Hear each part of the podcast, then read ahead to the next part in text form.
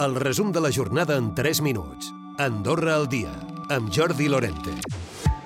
Aquest dijous s'ha fet la manifestació en contra de les polítiques del govern al voltant de diverses qüestions, com ara l'habitatge o uns salaris dignes. Ha estat des d'Escaldes en Gordany, des de la plaça Coprínceps fins a Andorra la Vella, a la plaça Guillemó. Amb el lema Ja n'hi ha prou, al voltant de 400 persones han fet part d'aquestes reivindicacions, on sobretot les pensions també han estat protagonistes, destacant que són massa baixes tenint en compte l'encariment de la vida generalitzada realitzat.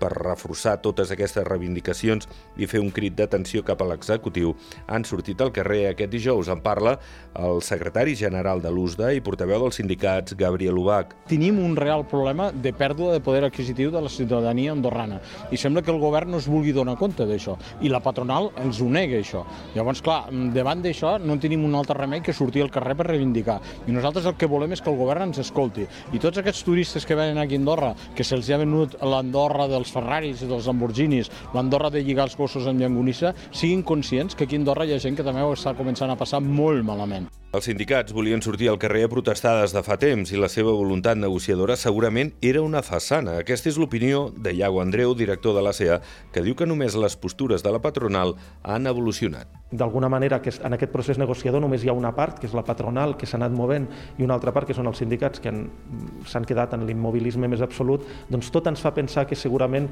la, la seva posició negociadora era més aviat una aparença pensada ja per arribar a aquesta manifestació. La plataforma pel ferrocarril Anrail considera insostenibles les argumentacions del govern per descartar el projecte d'enllaç ferroviari amb l'exterior.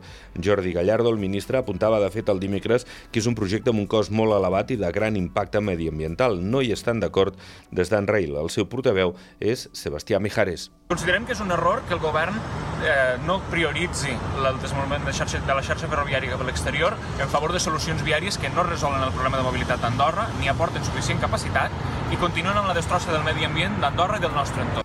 El pont de la Puríssima és un primer baròmetre del turisme d'hivern. Enguany, dos ponts en una setmana han fet repartir més l'estada d'uns turistes que troben el país menys col·lapsat. El sector hoteler fa un bon balanç a mig camí i equipara les xifres a les anteriors a la pandèmia. En parla en aquest sentit el president de la Unió Hotelera, Jordi París. I estem amb xifres com... Eh, aquest pont podria ser similar als de la prepandèmia. Era un pont que moltes vegades és llarg, es talla pel mig i, i no acabes mai de fer el ple del 100%, però sí que dona moviment moment també hem de pensar de gent que et fa l'escapada del dia. L'ambaixador del Perú a Andorra i Espanya, Òscar Maurtua de Romanya, va presentar aquest dimecres la seva renúncia irrevocable davant el cop d'estat del president Pedro Castillo.